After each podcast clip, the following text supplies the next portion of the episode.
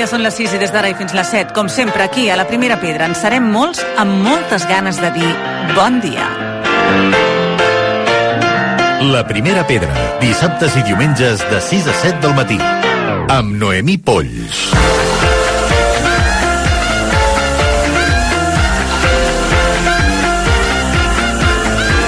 Si aquest cap de setmana heu vingut a Barcelona per respirar Nadal, heu encertat els dies perquè, a banda de la Fira de Santa Llúcia, a la catedral, o del festivalet que hem parlat també de Sant Andreu, us proposo també que aneu a agafar idees per la Carta als Reis, però idees d'aquelles de disseny. A on? Doncs al Design Market Barcelona, que és pels amants del disseny, és aquest mercat del foment de les arts i el disseny, i en parlem amb el seu director, Nico Brauer. Molt bon dia, Nico. Molt bon dia, encantat de saludar-vos. Ara ho dèiem, és un uh, espai en el que es concentren més de 100 expositors seleccionats i que, a més a més, són tots uh, representants del món del disseny mm, molt proper, molt nostre. Què és el que veurà la gent que vingui? Explica'ns-ho. Doncs mira, es tracta d'una fira de, de producte de disseny eh, amb una oferta molt variada d'emprenedors de, i creadors i dissenyadors de, de la ciutat de Barcelona i de més enllà, eh, que han estat seleccionats per un, eh, un comissariat eh, format per professionals del món del disseny. Mm -hmm. I, per tant, garantint d'alguna manera que el producte és de proximitat, de qualitat i, i, i innovador també. Exacte, estem parlant de moda i complements, joieria contemporània, publicacions, elements gràfics, mobiliari, il·lustració, il·luminació, sí. jocs, art, artesania, de tot. Sí, una, una gran variació i varietat de productes, sí. Uh -huh. Podem dir algun nom d'alguns dels que vindran? Perquè, bé, el llistat és enorme, però tinc Carla García sí. d'Urlan, la Clara Niubó, que també és joieria contemporània. Exacte. Uh... Sí, la Carla García d'Urlan és una joiera que va ser finalista als Premis Loewe d'Artesania del 2020. Um, després també podem destacar la participació d'uns emprenedors d'aquí de Barcelona, Panot Mobility, que és una startup que eh, proposa un servei de lloguer de bicicletes urbanes elèctriques que estem bastant contents de, de comptar amb ells, ja que fomenten la mobilitat saludable i sostenible també. Sí, a més a més, com dèiem, pels amants del disseny, aquest any aniran al Poble Nou. Sí, exactament. Aquest any eh, l'onzena edició del Design Market es celebrarà al MUBA Olivertès, que és un, un edifici eh, del llegat industrial de, del barri, eh, actualment és seu de, del Museu d'Història de Barcelona i està al vell mig del parc del centre del Poble Nou, que és un parc emblemàtic de la ciutat, poc conegut, però dissenyat per l'arquitecte Jean Nobel. Uh -huh. Per tant, ja l'edifici es presta a ser visitat, l'entorn és fantàstic, perquè el Parc Central de Poble Nou ja és molt maco també, i a sobre, com deia, més de 100 expositors ben seleccionats perquè puguem fer una àmplia carta als Reis, ben pensada i ben meditada. Eh? Exactament. Teniu tot el dia d'avui per poder-vos acostar al Design Market Barcelona. Moltíssimes gràcies, que vagi molt bé. Gràcies. I de Poble Nou ens anem ara cap al centre de la ciutat, perquè tenim ganes de viure la màgia del Nadal al Cotton House Hotel. És un hotel que està situat en un antic palauet de Barcelona, per tant una joia arquitectònica, que ara volem que ens expliqui una mica la història l'Ariadna Alemany, que ella és la Gossipium Manager d'aquí del Cotton House. Ariadna, molt bon dia. Molt bon dia. Doncs tenim ganes primer de que ens situïs en aquest edifici, que és una preciositat i que és el que dèiem, una joia arquitectònica que val la pena comentar. Realment estem situats en un petit palauet al centre de Barcelona. És un palauet neoclàssic, uh, previ de lo que és tot l'esclat del modernisme de Barcelona.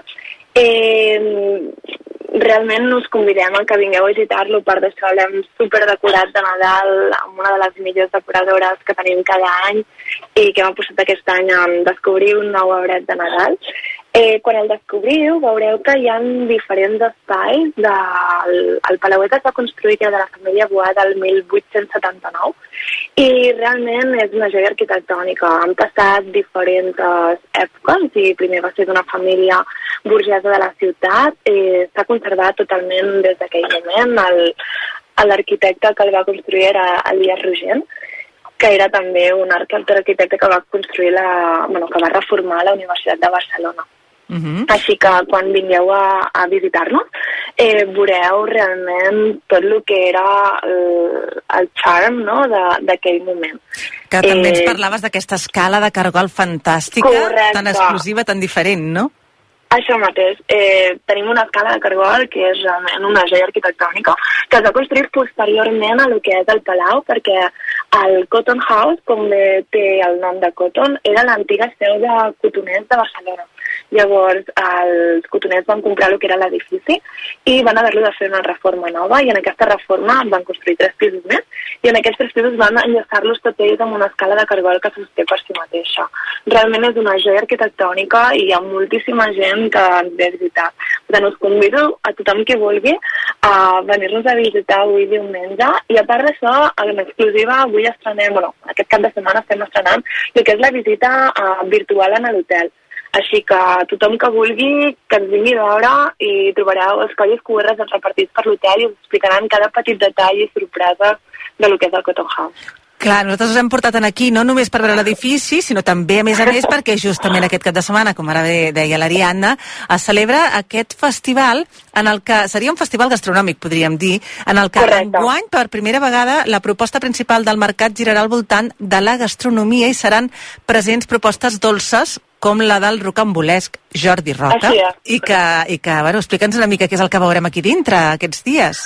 Avui, sobretot, No perquè avui és l'últim dia. Avui és l'últim dia, sí, si no veniu us ho perdreu. Exacte. Uh, estem, doncs avui estem fent uh, moltíssimes activitats, o sigui, tant pel matí a les 12 del migdia tindrem un taller de galetes, a la tarda tenim un taller d'escalates del, par- del Pargates, o sigui, de, Mhm, d'Espardenya. D'espardenyes, sí, sí. Correcte, que és una de les millors experiències que els, els turistes quan venen a la ciutat doncs, fan. I a més a més tindrem el que és en el market, d'acord? El market se celebrarà, el gastromarket se celebrarà en tot el que és la nostra terrassa del Coton, la terrassa de Batuat. Un, any, un, any, un indret totalment eh, preciós que està dins un petit oasis de la ciutat. Hi haurà diferents eh, food trucks, per dir-ho d'una manera, eh, en el qual, diguéssim, faríem diferents propostes. En aquestes propostes, com bé comentes, Noemi, tindrem doncs, la biquineria del Recomolès, que és la primera vegada que es traslladen fora de Girona. Eh, a més a més, també tindrem alguns productes doncs, de Recomolès o de Casa Cacau. Tindrem també els panetones de l'Italier, que mm. també és una gran pastisseria que tenim aquí a Barcelona que fan coses excepcionals i tenen també el que és el panetone d'or, que també el tindreu aquí tant per posar-los a les vostres taules de Nadal eh, durant aquests dies festius. Després tindrem um, per part de l'hotel també farem, diguéssim, uh, diferents pastissets que també us podeu endur a casa o els podreu degustar quan estigueu aquí a l'hotel. Hi haurà unes petites taules on poder-se sentar i degustar tots aquests petits uh, exclusius menjars. I després, com a cosa bastant especial, eh, tindrem una associació, una fundació, perquè aquest any és el primer any que l'hotel aposta en involucrar-se només en fer, en fer nosaltres el, el que és el market. I totes aquestes petites um, empreses que tenim, diguéssim, farem com una petita donació a lo que és el Mary's Mill. Mary's Mill és una fundació que el que fa, diguéssim, és uh, donar menjars a la gent d'arreu del món amb problemes doncs, d'això d'alimentació i el que fan, diguéssim, és proveir, menjar a lo que són les escoles. Les escoles per tal de que els nens cada dia uh, vagin a escola i tinguin un plat de menjar. Vull dir, aquest any Mary's Mill ha obtingut el Princès de l'Astúria i realment és diguéssim, amb el que cada any més o menys intentem col·laborar per part de l'hotel. Mm -hmm, doncs amb una voluntat eh, també solidària de donar Correcte. aquests diners en aquesta entitat, es fa aquest mercat també en el que a part d'aquest taller de fabricació artesanal d'espardenyes també fa aquest taller floral i un Correcte. taller infantil de decoració de galetes. Explica'ns aquests dos tallers també que feu. El taller de galetes el farà el nostre xef de l'hotel, hi haurà diferents galetes però els més petits de la casa. I després tenim el taller floral, el taller floral el farà la decoradora de l'hotel, que es diu Soraya. I admirar també com està decorat l'hotel, que l'ha fet també la decoració floral, també l'ha fet ella, no?, la Soraya. Correcte, correcte. Mm. Podreu venir a veure com ha quedat aquest any l'arbre de Nadal. L'any passat era espectacular, aquest any s'ha superat. Vull dir- Escolta'm, cada any, cada any us ho supereu, no? Cada any us ho Això supereu. mateix. Sí, senyor. És el que intentem. Doncs això és el que volem, respirar Nadal i aquesta era la nostra proposta també per avui, que penseu que avui és l'últim dia que podeu participar-hi al Cotton House. Moltíssimes gràcies, Ariadna, que vagi A molt bé. Ens veiem d'aquí una estona. Fantàstic, aquí estarem a esperar-vos. La primera pedra, dissabtes i diumenges de 6 a 7 del matí. Amb Noemí Polls. Marc Balcells, bon dia. Bon dia, què hi ha? Dígame. Ai, doncs mira, avui interessant el tema que portes tu. Avui Em porto sorprèn. un temazo. Un temazo. Un temazo que és una continuació d'un que ja vam fer a la segona temporada, que ara us parlaré dels contratenors, que és els que escoltarem, però el tema d'avui va d'una cosa diferent. A veure, Va dels castrats. Escolteu.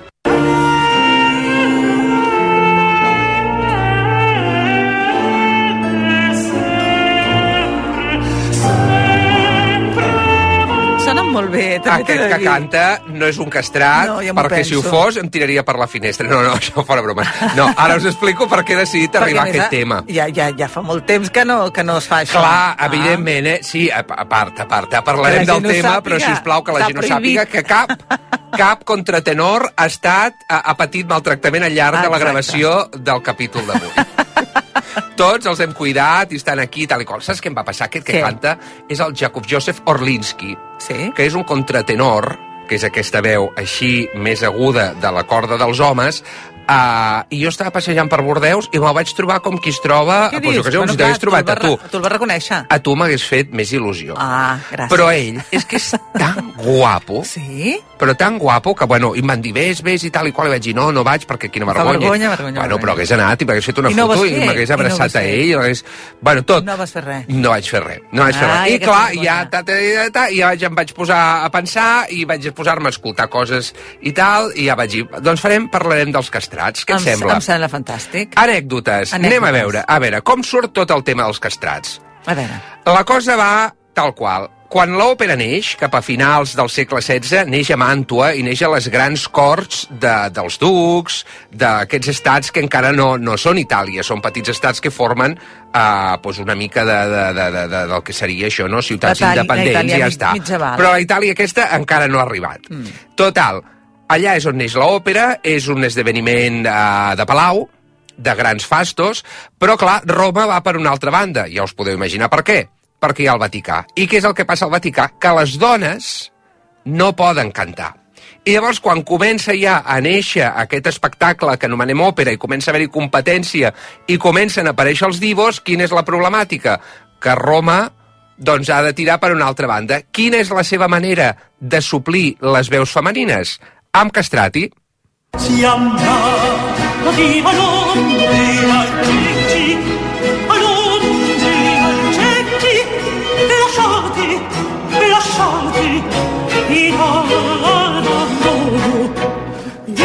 hi ha moments en què diries... És una dona, no, eh? Ah, bueno, això me'n recordo que a la segona temporada vam Veus? jugar al concurs de uh, adivinar el gènere del cantant i llavors jo ficava de tot Clar, i llavors i sabia... trampa, sabia home, trampa. clar, si No, no, una trampa si no era fàcil. coneixies, sí, sí. Però bueno, i, i tornant una mica al, a l'inici, no?, el que deies tu.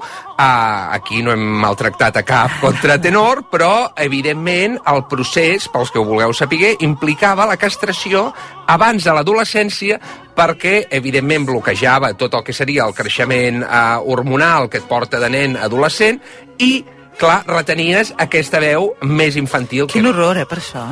Uh, ara parlarem de temes, encara no Sí. hem arribat a la part més, Ja, més no. horrorosa. El tema és que estava llegint testimonis de l'època i sobretot testimonis gràfics de l'època i és que el cos canviava de forma estranya i se'l representava de forma iconogràfica en, en, en manuscrits com, com nens gegants. Ja. És a dir, hi ha, per exemple, una, una que és un castrat rodejat de dos sopranos i el castrat és, és, és com un gegant, comparat sobretot amb el cos de les dues sopranos, amb un capet petit, petit, petit, petit, i clar, la cosa va així.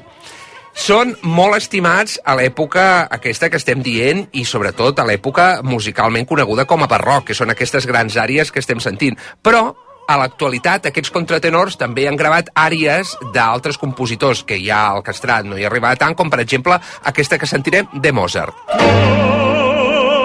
És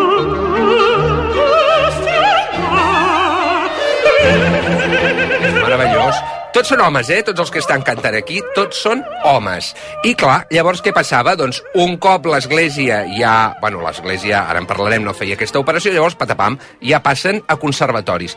Clar, amb un entrenament molt rigorós, però també llegint documentació de l'època, no era el, és a dir, quan aquesta, aquests nanos entraven a, a una institució eclesiàstica per entrenar-se, eh, hi havia, sobretot, com que eren més estrelles, se'ls tractava millor. Estan mirant que, per exemple, també se'ls deia eunucs, eh, el Conservatori de Nàpols, de Santa Maria de Loreto, es deia el 1699. Escolta, com que hi ha molta humitat en aquest conservatori, els castrats aniran a zones millors perquè no Ah, els hi vagi a la veu. I ojo, en un altre conservatori, el de Sant Onofre, deien, escolta, se'ls hi dona millor menjar que els altres estudents i posava que el- el- el- l'intendent havia demanat 17 rotllos, no sé, de, de provolone, com, es, com se serveix el provolone en... en, en, en Bueno, rotllos en no, però clar, potser és un rotllo que després fa els Clar, cercles doncs això, coneixem. doncs escolta, mira, per aquests, pels altres no. Ah. El provolone era... És a dir, que tenien creus? certs privilegis. Sí, tenien certs privilegis, Home. que ja està bé, Home. perquè clar, aquí què és el que passava? Que quan va veure la gent que aquests nanos podien fer grans carreres internacionals perquè es van convertir en els primers grans divos de l'òpera, és a dir, els primers grans noms que tothom es barallar per ells eren bàsicament els escostrat i clar, que feien els pares de famílies humils. Doncs escolta, portem-lo a veure si aquest nano fa fortuna. El problema és que, clar, qui els operava? Els operava aquest. Avrò un Figaro bravo bravissimo, avrò un Figaro bravo bravissimo, fortunatissimo, fortunatissimo, fortunatissimo per verità. A te fortuna, a te fortuna, a te fortuna, non mancherà. Clar, era una cirurgia perillosíssima, perquè no parlem de metges, parlem de barbers, com el barber de Sevilla, que en aquesta àrea va dient, escolta, jo et faig una sagnia, com te faito, com et trec la dent, eh, eh, i clar, eh, aquí hi havia un Oh. risc, eh? és a dir, se sap que havien resultat en algunes morts, es calculava, diuen algunes estadístiques, 500.000 nens per tota Itàlia, esperant que alguns fessin fortuna, però clar, fortuna en, en, van, en van fer foc.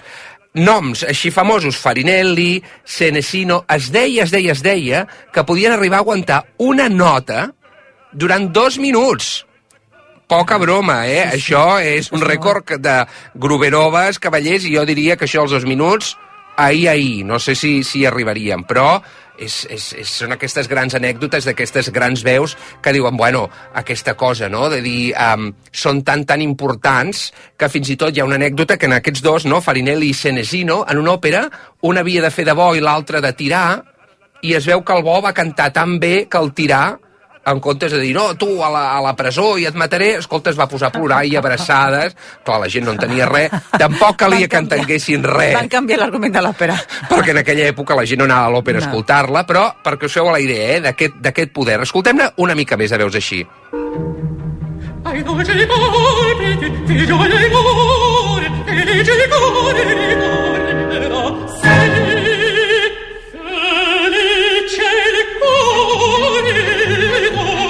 que és una delícia sentir-lo.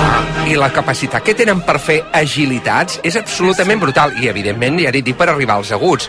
Estem escoltant la Semiramide de Rossini, si us en recordeu, amb la que vam començar la temporada passada del Bel Canto, que és aquest gran, gran monument no?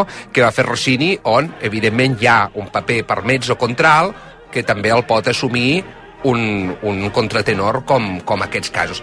Última anècdota, A me veure, la deixes fer? i tant. Clar, perquè ara jo sé, els nostres oients, menudos unos, amb la seva ment calenturienta, i tu també, que fas cara, També, també, clar, també, aquests nois només els hi han tallat una part. Clar.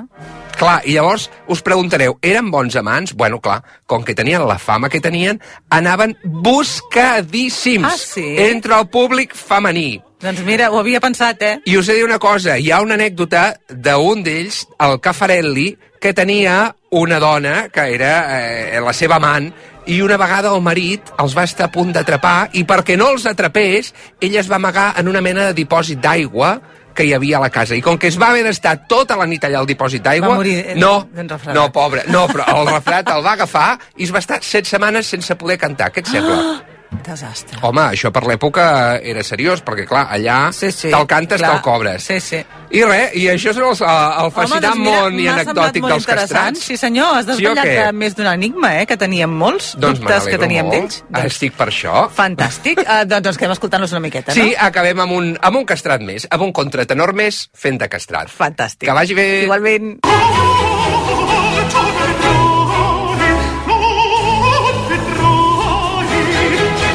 La primera pedra, amb Noemí Polls. Moment ara per saludar en Jordi Margarit. Jordi, molt bon dia. Bon dia, Noé.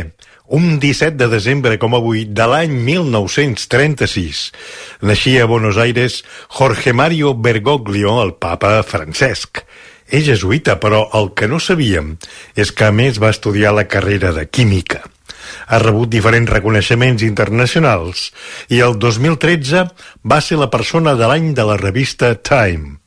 El dia del naixement del papa Francesc, a la ràdio hi sonava aquest tema de Bing Crosby, Pens from Heaven. A long time ago, a million years BC, the best things in life were absolutely free. But no one appreciated the sky that was always blue, and no one congratulated a moon that was always new. So it was Sí, calés o tresors caiguts del cel. Un tema que van enregistrar els millors crooners del món mundial i que Crosby immortalitzava en una pel·lícula a modus de cançó bressol. La ràdio aquí, i imagino que també a Buenos Aires, on naixia el papa Francesc aquell 17 de desembre de 1936, i sonava Imperio Argentina i la seva El dia que jo nací, día que nací yo, qué Por donde quiera que voy, qué mala estrella me guía.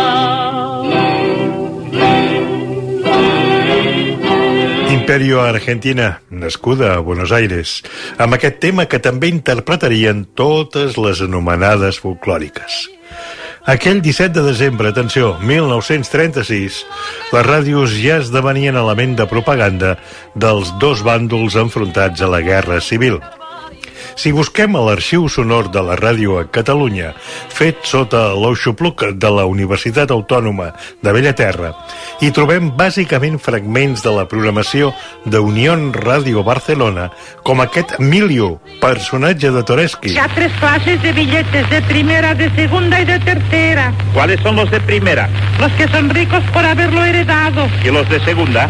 Los que antes de la guerra podían pasar y ahora pasan rascant amb els colzos per les parets. I també algun detall de programació de Ràdio Associació de Catalunya, com aquest recull del diari L'Instant o detall de programació. Per informacions dels canòdroms, programes, recensions, pronòstic, apostes i consultes, llegiu a l'instant la secció Curses de Llebrer. A les 10 i un minut del vespre, concert per Ruth Kessler i Emil Beyer. A les 11 de la nit, hora setmanal dedicada als catalans absents. Algun detall en el ben entès que la immensa majoria de l'arxiu fonogràfic de la primera RAC es va perdre a l'exili o en la destrucció en el moment de l'entrada de les tropes franquistes a la ciutat comtal. La primera pedra. Una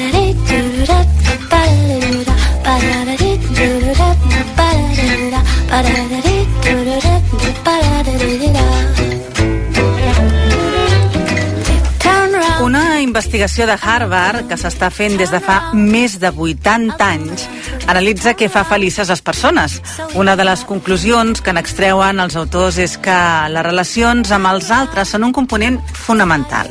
Per parlar d'aquest estudi, avui contem, contem amb l'Helena Terricabres, psicòloga, que a través del seu projecte Un niu d'idees acompanya persones en processos d'ansietat, trauma i estrès. Molt bon dia, Helena. Escolta'm, hem vist, ens ha caigut a les mans aquest estudi que ara tothom en parla i volíem que tu ens diguessis una mica la importància d'aquest estudi. Què el fa diferent a altres estudis que hagin dit coses similars? Bon dia, Noemí. Doncs sí, estem parlant de l'estudi longitudinal sobre la vida humana més llarg que s'ha fet mai. De fet, com dius tu, fa més de 80 anys que estan estudiant a persones, passen ja a la tercera generació de persones i compten actualment amb més de 2.000 participants. Què, fe, què fa que aquest estudi sigui especial? Aquest estudi, en lloc d'estudiar què fa posar malaltes a les persones, què és perjudicial per la vida, busca totalment el contrari. Busca què fa que les persones puguin prosperar en la seva vida. Que això està molt bé, és donar-hi la volta. I en aquí eh, parla de que tenir vincles íntims i forts amb les altres persones ens fa ser més feliços, en principi. Mm. Per què? En què es basa? El, el que hem vist a través d'aquest estudi, però també que s'està reafirmant a través d'altres estudis que hem pogut llegir a dia d'avui, és que tenir vincles del que en diem de seguretat amb les altres persones, per una banda, eh, millora la nostra salut, però també la nostra longevitat. Uh -huh. També parla de, exacte, de, de, de ser més sants tenint bones relacions, que aquest també és un aspecte que val la pena potser matitzar, perquè tots ho sabíem una mica, però aquí, en aquest cas, arriba a conclusions fins i tot mèdiques, no? Exactament, de fet aquest estudi recull informació tant a nivell de salut física com per exemple amb analítiques de sang i també a nivell de qüestionaris de salut mental. Uh -huh. I per tant, eh, estàvem parlant de ser feliços, de ser saludables, però vivim tots en un món envoltat d'estrès, eh, un món digital que ens accentua totes aquestes presses que portem. Eh, no sé si l'estudi també explica com lluitar contra això, és a dir, cada vegada anem més estressats. Exactament. El que està trobant aquest estudi, el que estem veient a través d'aquestes dades, és que el que ens fan aquestes amistats, aquestes, aquests vincles amb les altres persones, seria protegir-nos precisament de l'estrès crònic. Què passa amb l'estrès crònic? L'estrès eh, és una condició que cada cop, com dius tu, estem veient més, més abundant en el nostre dia a dia. L'estrès eh, és, és una condició que, a nivell físic, ens prepara per la supervivència, no? Tenim un, una, una resposta tant eh, de nivell químic i hormonal que ens prepara per la nostra supervivència, amb el que en diem amb resposta de lluita o fugida. Quan aquesta resposta es manté molt alta molt temps, el que fa és que a nivell, per exemple, com deia abans, hormonal i químic, totes aquestes cascades de, de substàncies ens provoquin el que acaben sent aquestes malalties que ens fan envellir abans. Per exemple, problemes gastro gastrointestinals, problemes neurològics, què trobem amb aquestes relacions amb les amistats? Que ens permet que aquests nivells d'estressos, d'estrès, perdó, baixi um, a nivells més estàndard, més nivells de calma. Per tant, aquest estrès crònic es torna a la calma fàcilment. Nosaltres, a, a nivell pràctic, com ho podríem portar a terme? És a dir, tot això com ho traduïm en el nostre dia a dia? Tenint més bones amistats, què fem? Com ho fem? L'interessant és que puguem agafar totes aquestes dades i fer-nos les nostres. Què vol dir això? Per exemple, sortir tres cops a la setmana a veure un amic o una amiga, a practicar un esport d'equip, de, totes aquestes dades per si soles diguem que no ens fan tenir una millor salut, no? Seria massa fàcil. El que hem de fer és agafar la importància que ens estan dient de tenir més amistats i veure com ho podem traduir en el nostre dia a dia. Per exemple, què podem fer per cuidar antigues amistats, um, com podem recuperar un vincle amb una persona que era important per nosaltres, no? Que a, totes aquestes dades a, a, es, es comparteixin amb les nostres necessitats. Mm -hmm. Per tant, donar valor a, a, a recuperar fins i tot amistats perdudes. Exactament, exactament. De fet, l'important aquí no és uh, tenir una amistat molt forta que li pots explicar absolutament tot, sinó tenir aquella amistat que saps que quan la necessitis, per exemple, hi pots comptar. Però aquí també hi entren amistats que potser et trobes al transport públic i pots parlar de les coses com estan. No necessitem que tinguem aquells amics forts de tota la vida que, que, seran, que no ens faran mai mal, no?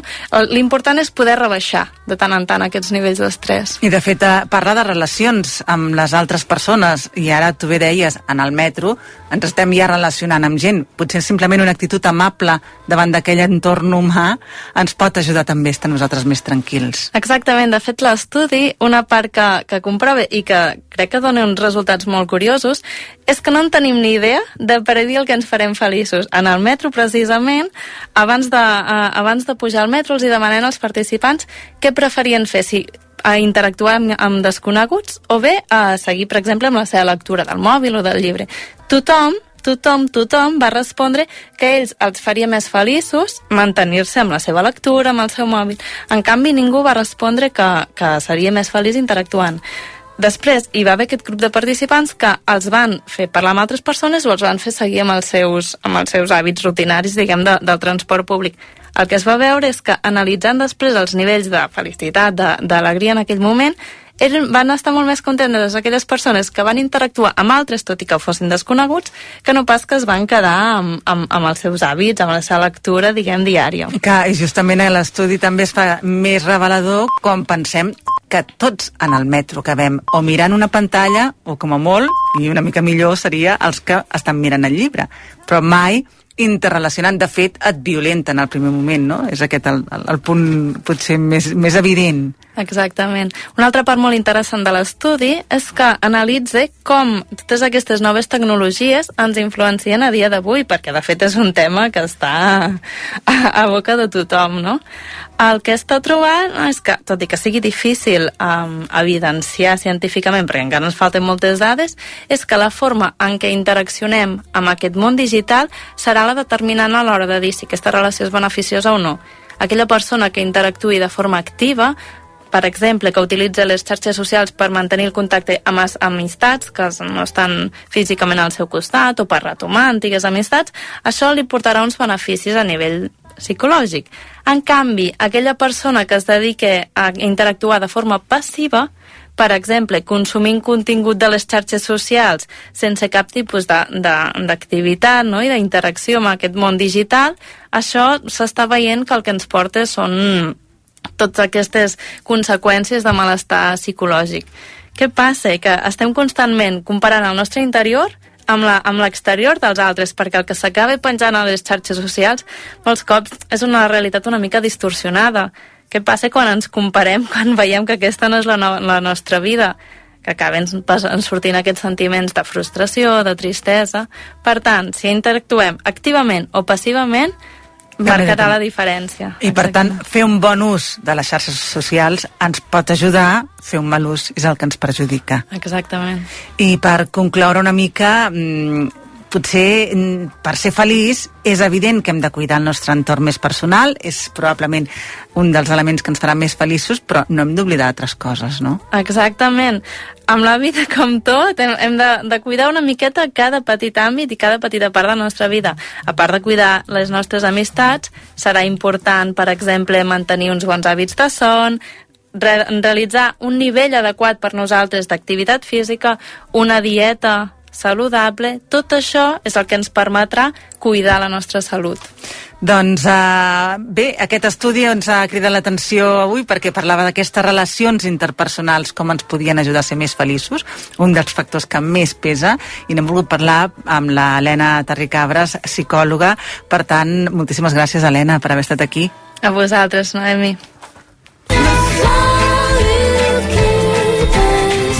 La primera pedra, amb Noemí Polls.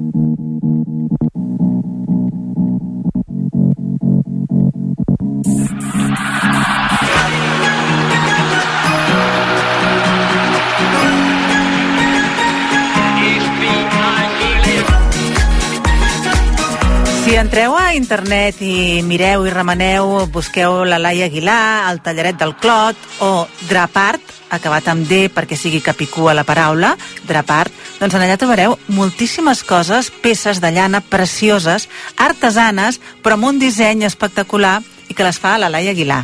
Laia, molt bon dia. Molt bon dia. Amb ella ja vam parlar del procés de la llana i avui ens explicarà una mica què és això que veiem i que jo crec que moltes vegades l'hem anomenat feltre, però que, escolta'm, tenim una paraula autèntica perquè és ancestral aquesta manera de treballar la llana. Explica'ns què és. Clar, el feltre és la paraula que, que coneixem més perquè ens ha vingut de fora, però aquí a Catalunya digui, diguéssim que seria el drap de llana, no?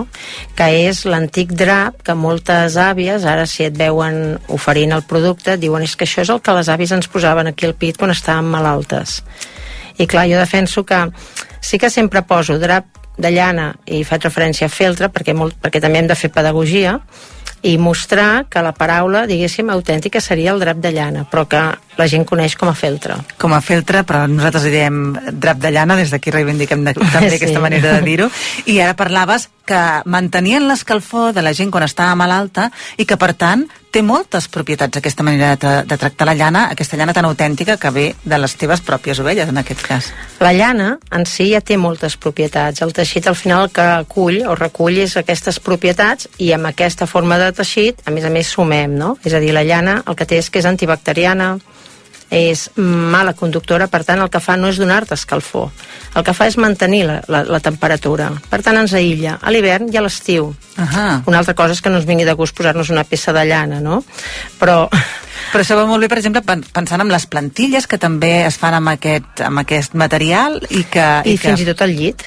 I el llit. És a dir, tu pots posar-te un llençol, d'aquí que també hi havia els matalassos de llana, però sí. si a sota del llençol et poses una, una capa de drap de llana, de teixit, a tu no tindràs mai calor. Als nadons, per exemple, i als meus fills els hi he fet i a més a més a, et manté que hi ha temperatura i a més és impermeable, per tant el matalàs tampoc es mulla. És a dir, que té moltes propietats a part de ser ignífuga, ser higroscòpica, que això vol dir que quan tu estàs en un ambient que és humit, la llana t'està absorbint aquella humitat. Però si tu estàs en un ambient sec, ella te l'està cedint. És a dir, que també es regula això. Vull dir que és brutal. No en va, ja es feia servir per, per les nostres àvies i les nostres besàvies. Ara l'estem recuperant una mica. Eh, en aquest cas, què arribeu a fer amb els draps de llana? Amb el drap Què s'arriba a fer? Ara parlàvem de les plantilles. Què més es pot arribar a fer? Amb el drap de llana, al final, que és, és un teixit molt, és un teixit molt antic i tens la possibilitat de, com t'he explicat, de poder fer uh, un, unes plantilles, però també pots fer uns protectors per les paelles. És a dir, això és el més bàsic. Tens un teixit que el pots posar això sota el llençol, que pots posar-lo per protegir-te els peus, no? per tant el tema de la suor i de les olors, com el fet de, de tenir un caminar, com diu en Lluc, el meu fill petit, que és com caminar pel cel, no? Oh, quin gust. Però després ho tens això per protegir les paelles, pots fer llavors, treballant en formes tridimensionals, doncs teixits com els que faig de, de testos, llums, làmperes... Sabons, que aquí en tenim un que El deixen sabó desprendre, és, exacte, el sabó esponja. És un sabó embolicat amb aquest teixit, amb el drap de llana, i que permet que passi l'espuma del sabó, l'escuma, i, i alhora el perfum també, i que permet també que s'assequi, que no et rellisqui i, i que sigui tan fàcil de portar. Fins i tot quan vas de viatge te'l poses a la bossa perquè si el deixes sec no t'embrutarà. I això s'ho pot fer tothom, eh? Al final no és que estiguis embolicant el sabó amb teixit, sinó que estàs teixint la llana a sobre del sabó. Exacte, perquè hem de pensar que aquests draps es fan amb aigua i sabó.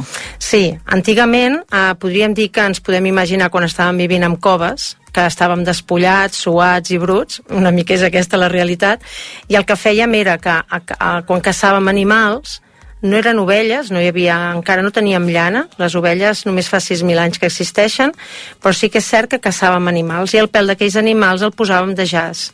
I com que estàvem suats, bruts, i anàvem bellugant-nos, anàvem falpant aquestes fibres. El mateix fem, però com que no ho fem amb aquest procés, el fem més ràpid i el fem amb el sabó. És a dir, la llana és impermeable, no podríem treballar, i el sabó el que fa és que rellisquin les fibres entre elles i es van atrapant.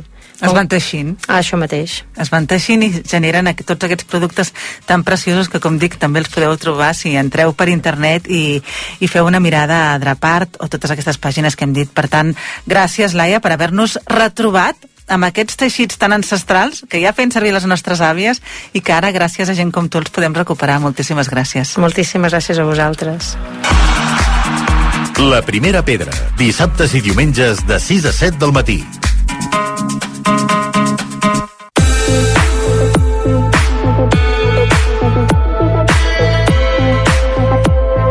Montse Interiors t'ofereix Cases amb ànima. Si una cosa, si una cosa sabem fer els dies de Nadal eh, és reunir-nos per seure a taula i compartir bons àpats, bones converses.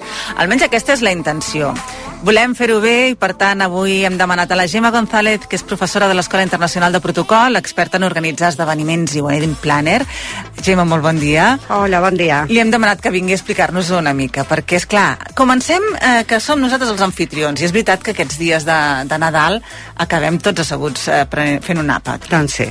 D'entrada, deu ser diferent si la gent que ve són familiars, són els de casa, o són amics. Exacte.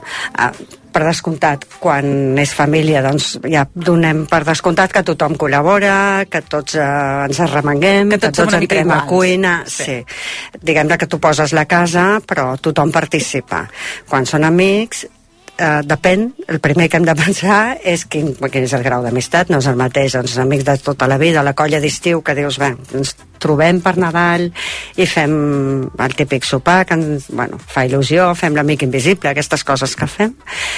Aquest és un, un escenari, però també pot ser un escenari una miqueta més formal, per exemple, si convidem companys de feina o gent que no es coneix, aleshores l'escenari canviaria una mica, però en principi hi ha unes coses bàsiques que jo crec que són que ens van bé a tots com a Per pautes. El primer com a anfitrió és avisar amb suficient antelació. Clar. Protocolàriament considerem que 15 dies abans 15 és el dies, correcte. eh? Per En Nadal- qualsevol event de l'any, però per Nadal és molt curt, perquè ara ja tenim aquella setmana del 14, 15, 16, tots tenim l'agenda molt plena. Per tant, si vols eh, que aquell sopar tingui èxit, o el programes amb moltíssima antelació, o mous una mica la data. Doncs després, com a anfitrió, jo el que sempre recomano és plantejar el menú, com rebrem els nostres convidats en funció del número de persones que tenim. Mm, en realitat, a vegades fem una trobada de 6 o de 8 que els podem seure a taula, i, però si som 15 o som 20, millor que no ens compliquem la vida empalmant taules. Això ho farem el dia de Nadal o, el dia, o la nit del 24, sí que ens agrada seure a taula, llavors agafem, doncs, normalment no tenim una taula per 24 persones o per 12, llavors agafem la taula de la cuina, agafem eh, cadires de les habitacions i fem una mica de barreja, però si és un nombre mm, de 10, 12 persones o més, és millor plantejar tipus bufet. Per tant, Exacte. és important decidir el menú en funció del nombre de convidats i sobretot com a, com a anfitrió és molt important que no et compliquis la vida, que t'organitzis amb coses que no et facin estar tota l'estona a la cuina. Hauràs d'escalfar alguna cosa, però a vegades volem quedar molt bé com a xefs, però no ets un bon anfitrió, perquè l'objectiu és passar l'estona amb els amics, no tenir-los abandonats per estar muntant la cuina amb els plats. Per tant, quan arriben, poder estar ja per donar-los la benvinguda, agafar els abrics, deixar-los en algun lloc que ja tinguem concret per deixar-los, els portem cap a taula... Aquí hi ha un recorregut previ molt important, que és la logística de l'event, sigui un sopar de 10 o de 80 o de 800, sempre hem de fer el mateix, que és analitzar quin recorregut faran, no? on deixaran els cascos de la moto, on deixaran els paraigües o els abrics. Aleshores, tenir la casa mínimament recollida, que això és una, aquest és un tema una mica que a vegades molta gent tira enrere el fet de rebre perquè dius, jo no tinc la casa en condicions, és un punt que hem de... I que a vegades jo lluito bé, bastant et va bé per revisar tu també la casa i tenir-la ordre. Però jo sempre defenso que, ostres, una casa no és un museu. Eh, Hi ha una diferència entre tenir casa teva mm, endreçada i, o sigui, una, una cosa és una casa viscuda i una, casa, i una altra cosa és tenir la casa desendreçada. Són dos punts diferents. Els portem cap a taula. Com els asseiem? Uh, si són família, mirem de fer-ho per afinitats, que cadascú primer que arriba, primer que seu, o malgrat ser família també cal fer uns protocols, i si són amics és evident que potser hem de marcar una mica, no?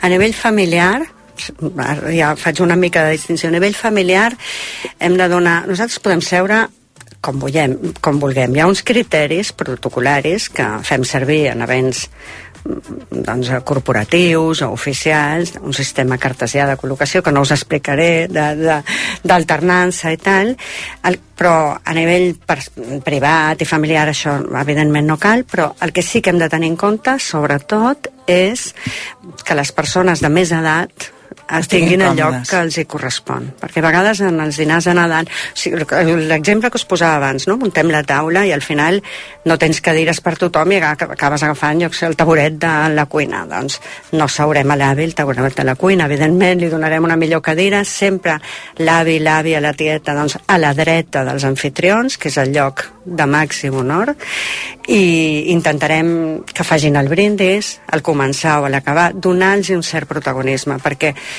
les persones de més edat a vegades eh, es perden una mica la conversa, queden una mica... Sempre hi ha temes més atractius i les batalles d'ells no, potser no interessen a tothom, i a vegades ha passat al dinar hem estat dues hores i quasi ningú li ha parlat. No? Llavors, eh, donar-li la, a la dreta de l'anfitrió a una persona de més edat és una manera de... és un acte de respecte i protocolàriament seria el recomanable. Es, a partir d'aquí, estic parlant a nivell familiar, eh? A nivell d'amics, l'edat- A nivell d'amics... l'edat ja no compta. Ah, No, aleshores el que fem és mm, buscar afinitats per descomptat, però sobretot hem de fer una llista de qui ve i veure fer una alternança. Intentem sempre separar, separar les parelles. Això en protocol es diu descanso matrimonial, que els explico als alumnes. Intentem, dintre del possible, mm, xico-xica, però eh, separar, o sigui, separant de la teva parella habitual, que ja la veus cada dia i no tens tant que passar, i intentar buscar afinitats, però si hi ha una persona, és a dir, col·locar-los si ha, que són molt del Barça o els agrada el tennis o juguen a golf o són dentistes, doncs intentes que tots eh, tinguin, sobretot Alguna quan hi ha gent comú. quan hi ha gent que no es coneix, és un paper molt important de l'anfitrió. En, buscar punts de, temàtics de connexió perquè les persones, si algú per exemple, que no coneix ningú, que no es trobi penjat. Per això des del moment en què entra, quan tu presentes algú, imagina't que convidem companys de feina, hi ha un becari que acaba d'arribar, que quasi no coneix ningú, o tens la teva germana, que aquell dia està a Barcelona i la tens a casa i la introdueixes. No? És molt important per part de l'anfitrió, i ara m'he anat de tema, no? És molt important mm, buscar, presentar a tothom, per descomptat, i buscar algun punt de connexió amb algú. Sempre hi haurà, doncs mira, tu has viscut a París, doncs ara ella està d'Erasmus a París. Busc, deixar una conversa oberta, obrir-los aquest meló, perquè tu marxaràs a atendre els altres convidats i aquella persona no es quedarà, eh, pues, a veure si plou, no? És un moment bastant incòmode, Sí. normalment. Aleshores, a l'hora de dissenyar la taula farem el mateix criteri. Imagina't que tenim algú que no coneixem. Ens el posem a la dreta. Ai, que no coneix ningú, perdó. Ens el posem a la dreta dels anfitrions perquè podrem atendre'ns millor. Igual que si celebrem l'aniversari d'algú, doncs també aquell dia, nada, diumenge amb els tiets i amb els avis. Venen tots perquè el nano fa 14 anys. Doncs aquell dia el lloc d'honor és per aquest nano perquè és el seu aniversari i el posarem a la nostra dreta. En canvi, per Nadal, doncs, el que sé, recomanar les, les persones de més edat de la família. És a dir, sempre mirar a qui hem de mimar en cada moment, no? Eh, posar cartellets amb el nom sí. a la taula és perfecte perquè És- ja evites tot això, no? És perfecte, eh, demostres doncs, que tu has currat, entre cometes, que, que t'has has treballat, que, que has establert un criteri, facilites que la gent quan arriba, perquè ara passem a la banda del convidat. Clar, clar. Ara, Ara- diu, normalment dius, aneu seient, que vaig a buscar la cuina, i aneu seient, vaig a buscar el pa. I aleshores, on seiem, no? És, seria com de molt mala educació retirar una cadira i seure, no ens doni la gana, hem d'esperar que l'anfitrió ens ho digui. Uh, flors, podem portar-ne? Sí, les flors Això sempre, sempre, agraden a tothom. En cas de dubte, flors funcionaria, Això eh? sempre funciona, mm, sempre funciona de cara al convidat i de cara a l'anfitrió us haig de dir que les flors i les espelmes, si és a la nit, sempre acompanyen sempre fan acollida un espai, però hem de vigilar molt quan parem la taula de no posar flors que perfumin massa ni espelmes d'olor. Aquella típica de, dels centres comercials de molor de poma que comprem, que ens encanta sí. i tal, pots tenir doncs, això, el bany, el rebedor, no sé què, però a la taula tu t'has currat una crema de marisc boníssima, però organolèpticament aquella persona Està està sentint la poma. la canela, la poma, tal. Per tant, mm. és molt important que el que posem a taula vaig saltant d'anfitrió convidat, eh? No, no, ja, ja ho hem pensat així perquè jo crec que aquests dies és molt fàcil tenir o un paper o l'altre, que Exacte, tots tenint o un exacte, paper o l'altre. exacte. Hem dinat estupendament, la conversa era molt fluida i arriba el moment en què haurien de marxar. Com a anfitrió, com ho fem perquè... Mm, o no es pot fer res? No, com a anfitrió, jo i agua, perquè clar, si s'apalanquen... Si hi ha molta que confiança... estem a gust, no, també? Ho hem de prendre que com la part positiva. gust, El que pot simular que t'estàs dormint, a veure si cauen... Home, si hi ha super... Com això sempre és molt relatiu, depèn del grau de confiança. Si són amics teus, teus de tota la vida al col·le, els dius, marxeu tu, que avui m'he llevat a les 7 i estic morta de son, no? I si és a l'inrevés, com ho dius per marxar? Bé, molt bé, ja està, i me'n vaig? O també has de trobar La el companyia moment? és molt grata, però sí, de dir, escolta, estic tan a gust que em quedaria, però, però és tard per vosaltres. I no, no, si estem molt bé. No, no, però és tard, marxem. I és més de dir, ho fem per vosaltres, nosaltres Totalment. estem la mar de gust. Doncs escolta'm, jo crec que hem fet un recorregut Bueno, per bueno, una jornada d'àpats. Hi ha mil sí, matisos. molt- i- i ja mil m'imagino. coses més que em van venint al cap, però no em vull allargar. Pues, posant a la pell de l'altre tenim la resposta sempre. Mhm. I, a, l- I a la inversa també. Segur que sí. Doncs moltíssimes gràcies. Gemma González, que ella és professora de l'Escola Internacional de Protocol i experta en organitzar esdeveniments. Moltes gràcies, Gemma. Gràcies a vosaltres. La primera pedra. Dissabtes i diumenges amb Noemí Polls. L'any 1934, el nostre besavi va començar la fabricació i venda de roba per metres. Després s'hi van afegir el fill, el Francisco i el net, el Paco. El Paco es va casar amb la Montse i varen obrir a Sant Vicenç de Castellet la primera botiga d'articles per la llar el 1972. Era la botiga de la Montse. Avui, amb 27 botigues, continuem amb la mateixa il·lusió amb la que van començar el Paco i la Montse. Montse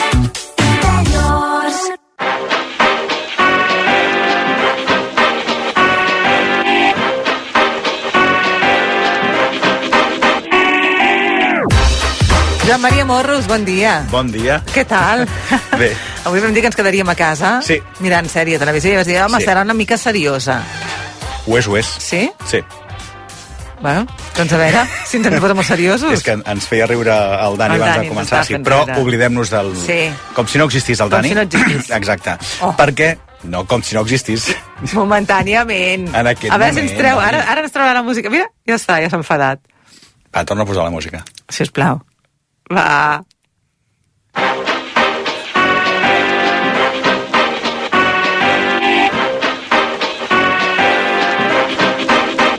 És que s'havia enfadat. Sí, sí. A veure, va. Però t'estimem molt, Dani. Sí.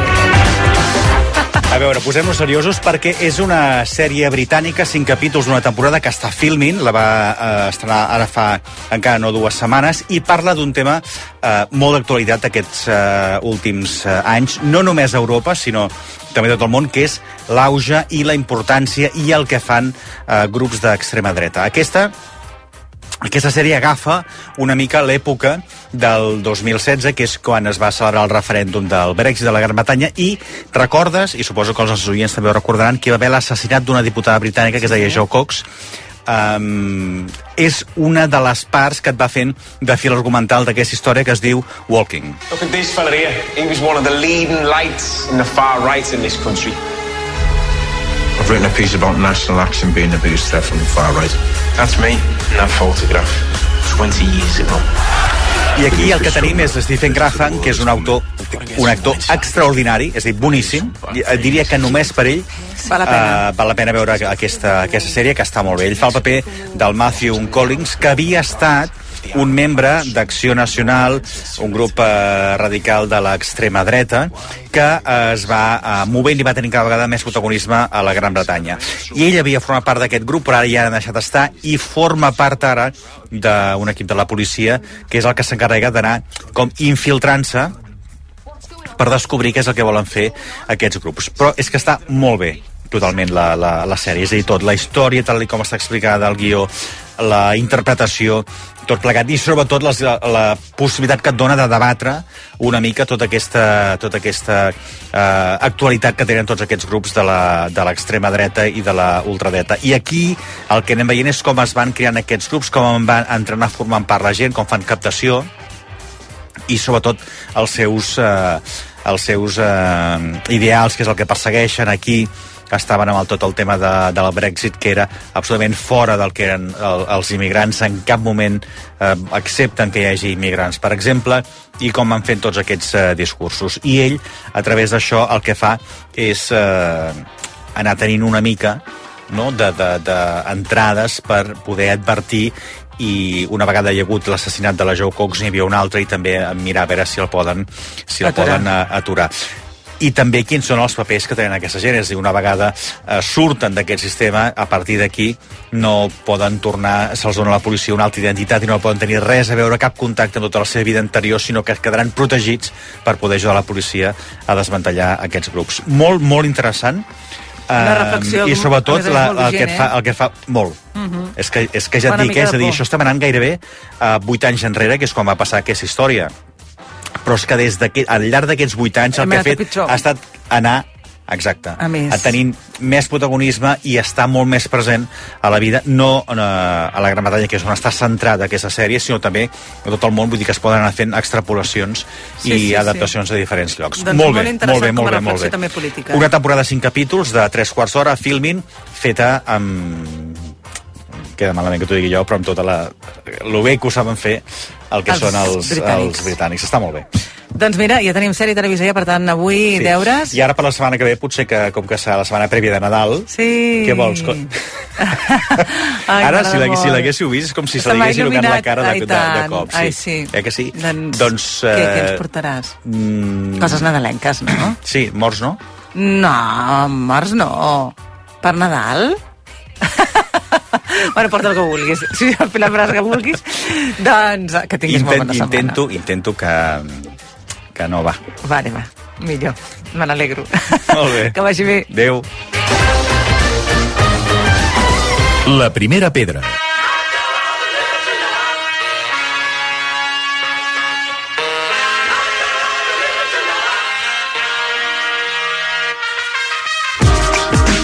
Isabel Vinaixa, bon dia. Molt bon dia, Noemi Polls. Què tal? Com Molt estem? bé. I Sí? vos? Amb ganes de música, com sempre quan arriba aquesta hora. Sí? Uh, I amb aquestes versions que et proposa versions, no, en aquest cas originals, que et proposa el senyor Spotify. El senyor Spotify. Les versions de sentim al món. Ai, sí. Eh? Que ens acompanyen molt, Sí. ens agraden molt. Moltes gràcies, gràcies. Aquesta setmana amb unes de molt elegants. Moltes Sí, sí, gràcies, sí. ho intento. Doncs ja, i aquí volem una cosa diferent. Són Exacte. aquestes propostes que ens dius que l'Spotify et fa tu. Exacte, que són i n'hi ha- descobriments Ah, exacte, que nous. són nous i d'altres que són antics. Exacte. I comencem per què? Pel nou?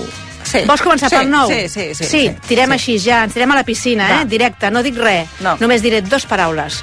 Fem play.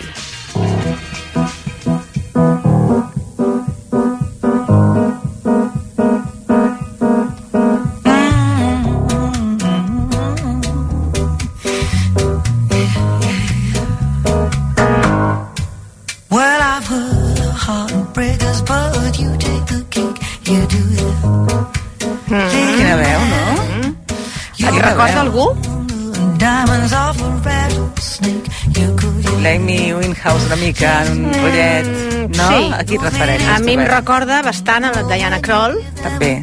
a la Melody Gardot, però sobretot a la Diana Kroll. Però no és la Diana Kroll, perquè com hem dit és un descobriment que m'ha fet Spotify.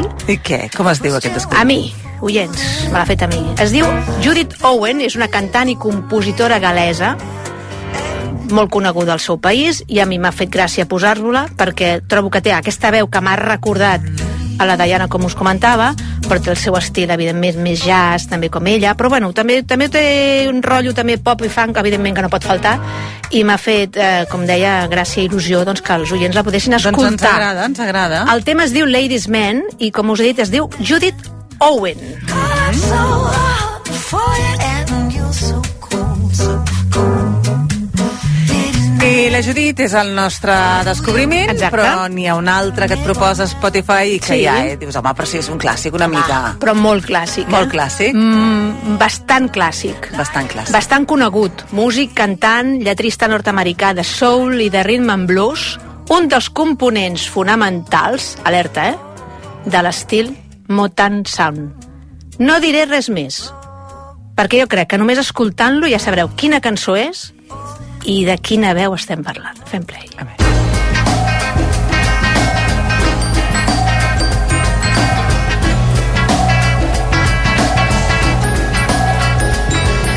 Oh.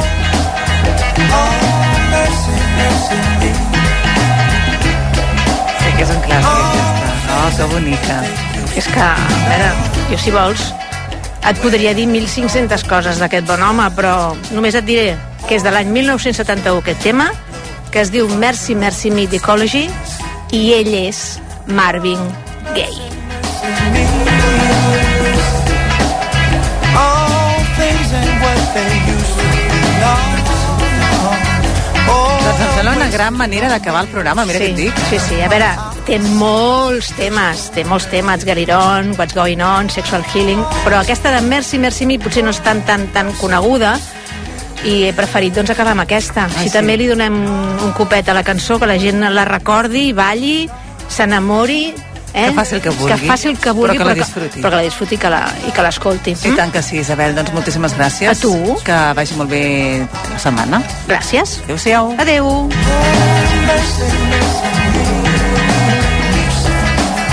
all things ain't what they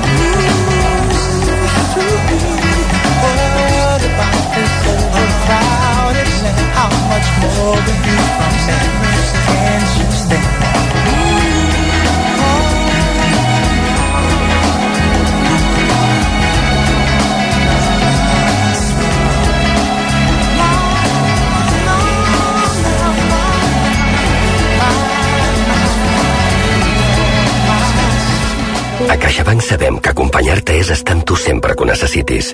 Com que volem que protegeixis el més important, et mantenim el preu de les assegurances de salut i de vida i de l'alarma Securitas Direct sense pujades durant 3 anys. Informa't en la teva oficina o a caixabank.cat. CaixaBank. Tu i jo. Nosaltres. S'aplica les assegurances MyBox.